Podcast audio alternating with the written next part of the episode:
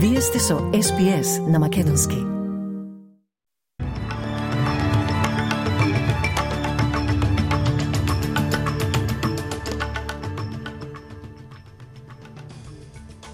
Од денешниот билтен вести издвојуваме. Конечниот извештај на Кралската комисија за попреченост треба да биде објавен за јавноста денеска.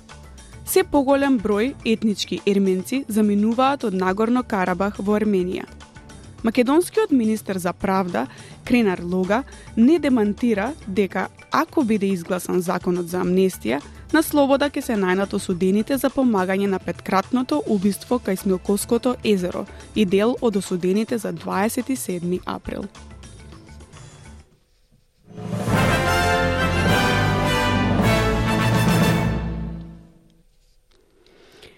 Застапник на лицата со попреченост вели дека многу австралици ќе доживеат огромен шок денеска кога владата ќе ги открие долго очекуваните наоди на Кралската комисија за попреченост.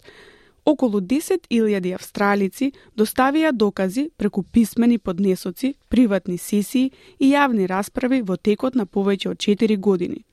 Председателката на одборот за луѓе со попреченост во Австралија, Никол Ли, вели дека чека извештајот да биде објавен во јавноста, но додава дека конечниот извештај веројатно нема да ги изненади оние што живеат со попреченост. Традиционален собственик од првите нации е воодушевен откако успешно го оспори планот на Woodside Energy да започне со сеизмичко минирање во Западна Австралија, како дел од незиниот проект за газ Scarborough, но шефот на австралиските производители на енергија ги повика владите да развијат подобри регулативи кои обезбедуваат јасност и сигурност за индустријата. Традиционалниот чувар Релин Купер, жена од народите Марду Дгунера, поднесе барање за судска проверка во август за одлуката на регулаторот да го одобри планот за минирање на Вудсайд. Тужителот тврдеше дека Националната управа за безбедност и управување со животна средина направил правна грешка. Судијата на Сојузниот суд, суд Крейг Колвин се согласи и покрај тоа што утврди дека законските потребни потребни консултации на Вудсај со засегнатите страни на првите нации биле несоодветни, беше дадено одобрение за започнување на сеизмичкото тестирање, со услов на понатамошни консултации. Господица Купер вели дека победата е значајна. This is our time to start thinking of the future for us all. every single soul and heartbeat that walks this planet. Because what's going on out at Murujuga, what's going on in the Ngura, our Ngura, in the Pilbara, the Kimberleys, um, the eastern states, it doesn't stop just here today. It's continuing all the time. I just feel this win is really for everybody. Семејствата на полициските службеници Метју Арнолд и Рейчел Макроу се сеќаваат на денот кога им се уништија животите бидејќи двајцата беа убиени. Денеска се обележува националниот ден на сеќавање на полицијата, со служби низ целата земја, во помен на тројца полицајци кои загинаа на работа во изминатите 12 месеци. Третото име додадено на националниот полициски споменик во Камбера оваа година, ќе биде името на 28 годишниот полициски службеник Ентони Вудс, кој беше прегазен и убиен за време на потера во јуни оваа година. Полицајците Арнолд и Мекроу по извештајот за исчезнати лица посетија оддалечен имот во Квинсленд во декември, кога кон нив беше пукано од пушка со голема моќ. Полицајецот Арнолд беше убиен, додека ранетата полицајка Мекроу возврати со оган преди таа да биде смртно застрелана. Македонскиот министер за правда, Кренар Лога, не демантира дека ако биде изгласан законот за амнестија, на слобода ќе се најдат осудените за помагање на петкратното убиство кај Смилсковско езеро, Хаки и Фези Зири. Лога тврди дека листа на осуденици немало направено, имало само анализа на делата, а ако ги опфаќа и овие дела, тие ќе бидат слободни граѓани.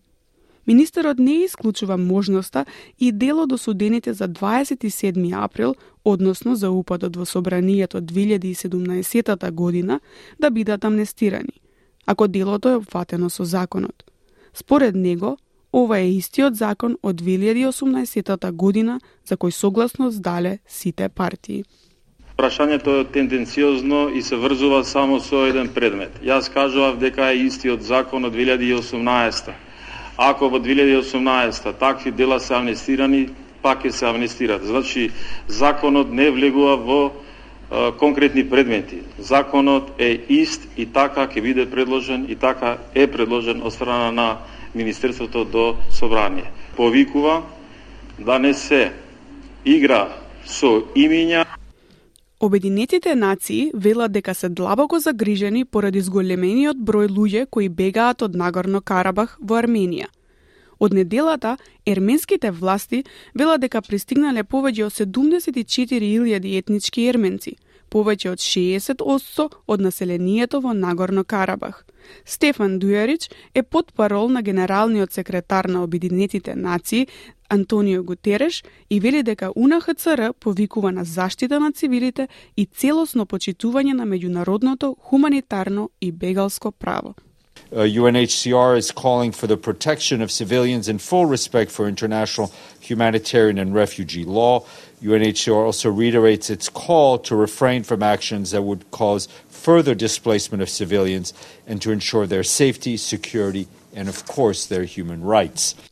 Стотици либански ерменци се пресметаа со полицијата пред амбасадата на Азербејџан во северниот дел на Бейрут за време на протестот, во кој се критикуваа действијата за азербејџанските власти во Нагорно Карабах.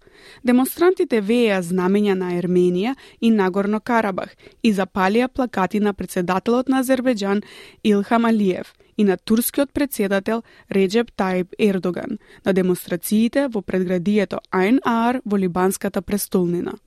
Либанската полиција употреби созавец врз демонстрантите откако тие фрлаа петарди кон зградата на амбасадата. Лео Николијан беше меѓу демонстрантите и меѓу другото вели дека Нагорно Карабах е историска ерменска земја со историја од илјадници години. Таа беше дури и дом на ерменските кралеви во времето на кралството. Нагорно Карабах is historical Armenian land since many thousand years and years. It was even uh, the house of the Armenian kings at the time of the kingdom. Unfortunately, Today, we lose that. Today, Azerbaijan have take back old Karabakh, and we have more than 50,000 people who are refugee in Armenia. Марката на армискиот хеликоптер, вклучен во, фатал, во фатална обука за вежбање, ќе биде повлечен од служба повеќе од една година пред планираниот датум на повлекување. Министерот за одбрана, Ричард Марлс, потврди дека хеликоптерите MRH-90 Taipan нема да се вратат на летање како дел од операциите на австралиските одбрамбени сили. It's really the only decision that makes sense. We had made clear that we wouldn't be flying these aircraft again until the investigations were completed, that we understood what had happened, and we'd made any rectifications that needed to occur. There are now four investigations on foot. Already one of them's made clear that it will take 12 months for them to reach their conclusion, and we were planning to uh, retire the Taipans at the end of next year anyway. And so there is no world should be flying these helicopters again. Хеликоптерите требаше да бидат повлечени од употреба во декември 2024 година. Раното исфрлење на хеликоптерите Тайпан следи по несреќата кај брегот на Квинсленд во јули, во која загинаа четири лица за време на воени служби како дел од вежбата Талисман Сабија. Двогодишниот Јела Мунди домороден фестивал за изведувачки уметности и раскажување приказни започна вчера во Сиднеј. Фестивалот ги прикажува локалните и меѓународните гласови на првите нации во изведувачките уметности, со цел да се создаде платформа за домородните уметници да се поврзат и да се споделуваат приказни. Фестивалот сега ја слави својата десета година. Директорката на фестивалот, Лили Ширер, вели дека фестивалот нуди можност за размена на знаење и искуство во различни заедници на првите нации. Those exchanges are really important to us as, as colonized countries. Um, we, a lot of our trauma and, and comes and our, through our stories, and that is healing for our people. And that makes our people stronger. It also um, helps break down, it helps build relationships with non Aboriginal people to understand our point of view, where we're coming from. I think that's really, really important. А сега од спортот. Илјадници навивачи на ЕФЛ излегоа на традиционалната парада пред големото финале во Мелбурн. Парадата со автомобили повторно беше вратена утрово, откако минатогодишните финалисти за време на парадата беа принудени да патуваат со чамци, додека навивачите гледаат бреговите на реката Јара. Многу подржувачи рекоа дека минатата година не можеле да ги видат играчите ниту од популарните гледни места – ЕФЛ призна дека парадата по реката Јара не има возможи на навивачите најдобро искуство со гледање и целокупно искуство и затоа се враќа традиционалната парада.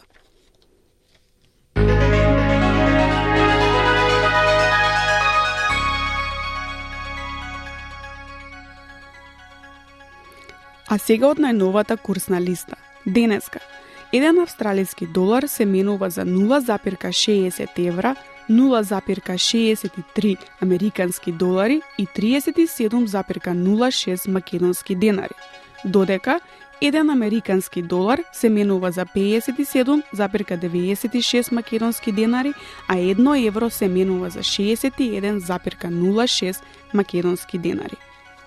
Од временската прогноза за главните градови е, утре, сабота, 30 септември. Во Перт кратки повремени врнежи со температура од 22 степени. Во Еделейд претежно сончево со температура од 32 степени.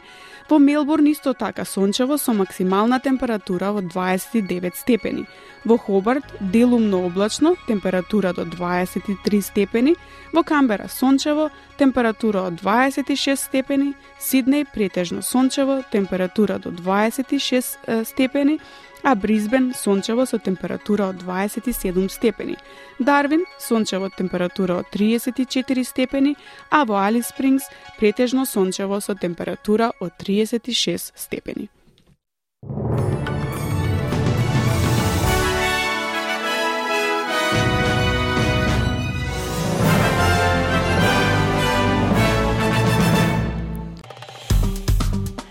Стиснете, ми се допаѓа, споделете, коментирајте.